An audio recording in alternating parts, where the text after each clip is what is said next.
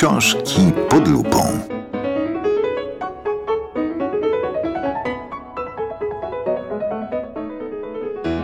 Z Bartoszem Gardockim rozmawia Katarzyna Staszczyk.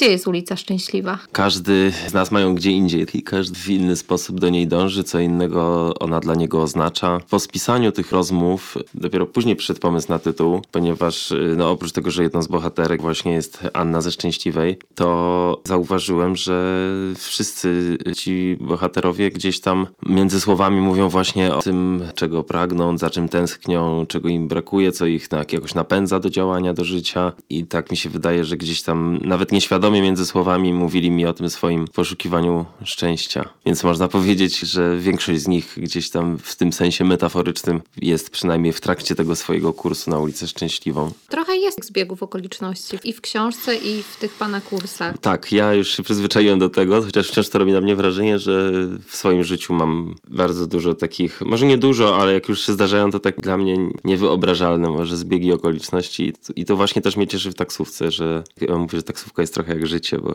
nigdy nie wiadomo, co z czego mhm. wyniknie, tak? I jak na przykład kierowcy narzekają, jak mają kurs za 10 zł gdzieś dwie ulice dalej, no to okej, okay, to jest słaby kurs, ale wtedy tam dalej może wsiąść ktoś, kto jedzie na przykład do Sopotu czy do Zakopanego. Zdarza się też i tak samo w życiu, kiedy coś nam się zdarza pozornie bardzo złego, to często po czasie widać, że wynikło z tego coś dobrego. No. Bycie taksówkarzem to jest kopalnia różnych historii. Jak to było z tą książką? To się pojawiło już w momencie rzucania pracy w agencji, czy to przyszło mhm. z klientami? I tak, i tak, bo pierwszą książkę, Oczy wuja sama, to napisałem kilka lat wcześniej, kiedy jeszcze po studiach jeździłem na wyjazdy work and travel do Stanów i tam mieszkałem w Kalifornii przez rok w sumie i pracowałem w kasynach i przejechałem ponad 30 tysięcy kilometrów samochodem po Stanach, no i właśnie z tego powstał blog na nagrodzony przez National Geographic. To mnie później zachęciło do, mhm. do zrobienia książki z tego. I przy okazji promocji tej książki poznałem Mariusza Szczygła i się zaprzyjaźniliśmy. Zaproponował mi studia w y, Polskiej Szkole Reportażu, więc ten temat pisania już jakoś wisiał w powietrzu. Jak ja dojrzewałem do tej decyzji zmiany pracy, to też sobie myślałem, że rzeczywiście taksówka to może być bardzo dobre źródło tematów do reportażu i osłuchania się w ogóle z ludzkimi historiami. W trakcie szkoły reportażu już jeździłem. Jak 12 kwietnia 14 roku zacząłem jeździć taksówką,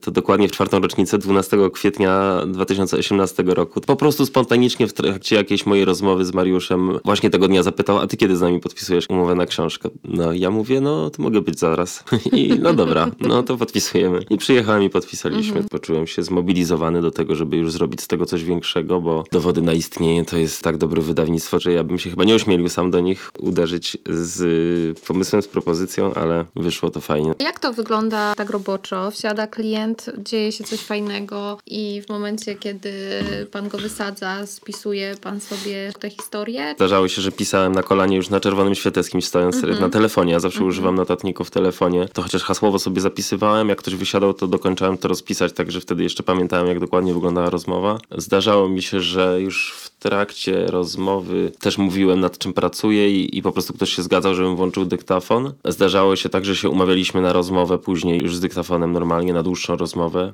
To tak jak było na przykład z tym bezdomnym, który był gitarzystą. Tak było no przede wszystkim z panią Szpilman na przykład, umówiliśmy się u niej w domu, więc w ten sposób. A część też to są takie bardzo krótkie, zwłaszcza te waria warszawskie na przykład, takie krótkie strzały, kilkuzdaniowe. To są tak uniwersalne też niektóre zdania, że tam na przykład autoryzacja też nie była ani możliwa, ani potrzebna, bo to nie było w żaden sposób do połączenia z żadną konkretną osobą, a też mógłby to powiedzieć każdy. To bardziej już były takie zdania, które po prostu wpadały mi do głowy i mi tam dźwięczały między uszami, także musiałem je wypisać z siebie. W tych reportażach nie tylko bohaterem są klienci, którzy zamawiają taksówkę, ale mamy też jeszcze dwóch bohaterów. To jest pan i Warszawa. I jaka jest Warszawa z okien taksówki? Jest piękna, jest piękna w swojej brzydocie czasami, jest taka bardzo dynamiczna. To jest jedno z bardziej dynamicznie, prężnie rozwijających się miast teraz w Europie. Ja to widzę na przestrzeni swojego życia, jak bardzo się zmieniła. Dlatego też tak się cieszyłem, jak zacząłem jeździć taksówką, bo w wcześniejszej pracy to zdarzało się, że w niektórych dzielnicach to bywałem raz na parę lat, po prostu przejazdem, bo nic tam nie miałem. A teraz jeżdżąc taksówką, to jestem prawie codziennie, prawie wszędzie. I to jest fajne, że mogę rzeczywiście obserwować to miasto. No i też widzę właśnie na przestrzeni swojego życia jak się zmieniła przez te ostatnie, no może powiedzmy, jakie pamiętam, to 30 lat. I z perspektywy taksówkarza też to widać chociażby dlatego, że starsi kierowcy mówią mi, że nigdy w Warszawie nie było tak bezpiecznie na taksówce jak teraz. No ogólnie wydaje mi się, że jakoś społeczeństwo nam się trochę wzbogaciło, ucywilizowało, już nie ma tylu napadów, rozbojów jak kiedyś. I nie tylko miasto się zmienia, ale ludzie też się te na pewno zmienili bardzo do tego, co było 20 lat temu, czy, czy nawet 10 lat temu. Teraz na przykład nie było mnie przez parę tygodni w Warszawie i też już widzę duże zmiany. Lubię tak jeździć, patrzeć właśnie, gdzie co się zmieniło, gdzie nowa budowa, gdzie nowe jakieś miejsca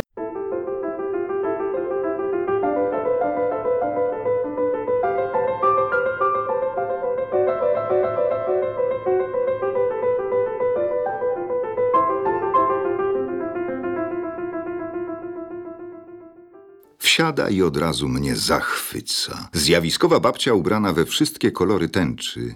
Niebiesko-żółto-czerwona suknia, zielona torebka i wielki fioletowy kapelusz. Do tego obfita biżuteria, której głównym zadaniem jest być widoczną. Naszyjniki, korale, bransolety i sygnety, którym nie pogardziłby Don Wasyl.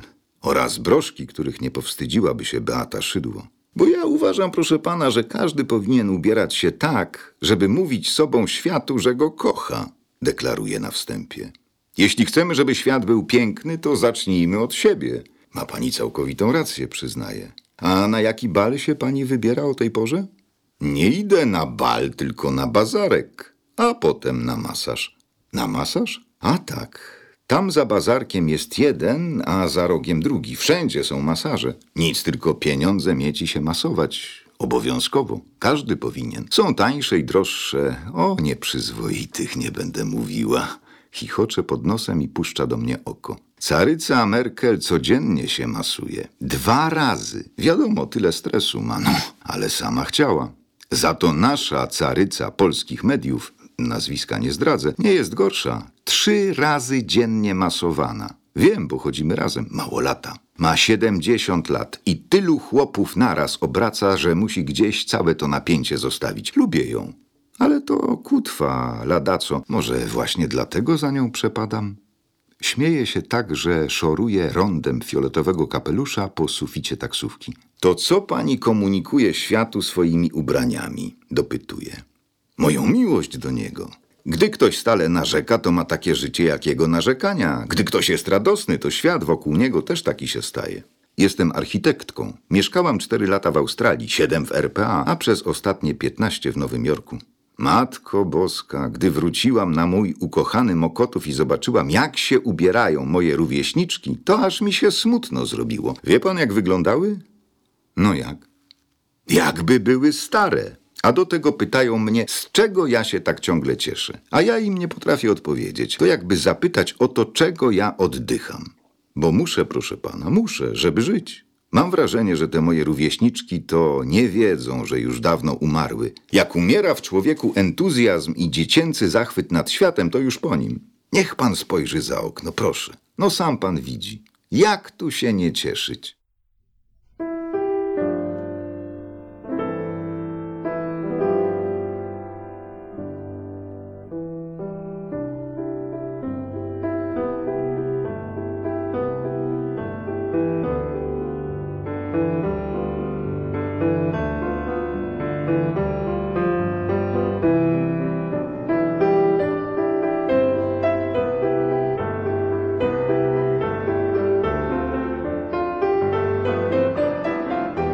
Było to kolejne wydanie książek pod lupą, które przygotowała Katarzyna Staszczyk.